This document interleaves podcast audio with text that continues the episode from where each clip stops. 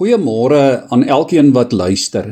Ek wil graag vanmôre vir ons die bekende Psalm 23 lees uit die nuwe direkte vertaling.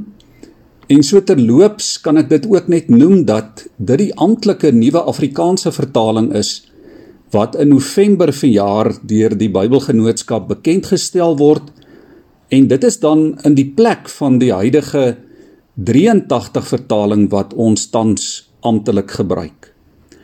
Kom ons lees hierdie pragtige Psalm. 'n Psalm van Dawid.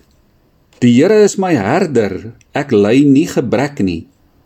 In groen weivelde laat hy my rus. Na water waar daar rusplek is, lei hy my.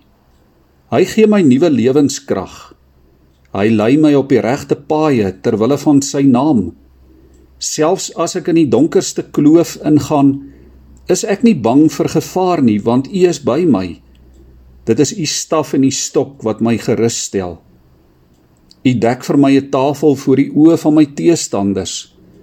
U verfris my kop met olyfolie, my beker loop oor.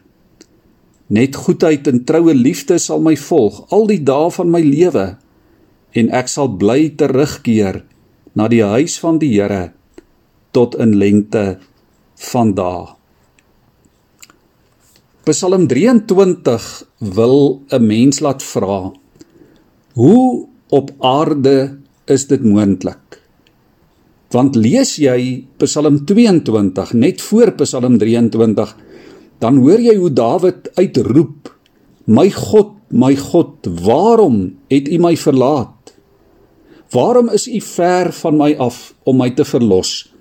Ver van die woorde wat ek uitroep Maar net in die volgende Psalm, hier in Psalm 23 getuig Dawid: Ek sal geen onheil vrees nie. Ek sal vir geen gevaar bang wees nie, want U is by my. Dawid sê: U het my verlaat. Maar dan verander dit na U sal my nooit verlaat nie. Sy vraagteken word 'n uitroepteken. En ons vraag vanmôre is: Hoe op aarde gebeur dit? Liewe vriende vir ons, vir jou en vir my as gelowiges in die jaar 2020 is die antwoord Jesus Christus. Ons kan 'n lyn trek van Psalm 22 af na Jesus toe en spesifiek na Jesus op Golgotha en dan weer 'n lyn van Jesus af terug na Psalm 23 toe. Golgotha vee die donkerheid van Psalm 22 uit en laat skyn die lig van God se verlossing op Psalm 23. Op Golgotha aan die kruis roep Jesus die woorde van Psalm 22: My God, my God, waarom het U my verlaat? Sodat jy en ek vandag op hierdie dag in hierdie jaar in hierdie tyd waarin ons lewe, in hierdie land, die woorde van Psalm 23 kan bely. Die Here is my herder. Ek ly geen gebrek nie. Niks sal my ontbreek nie. Ek kom niks kort nie. Die herderbeeld is seker die bekendste beeld in die Bybel waarmee God se karakter beskryf word.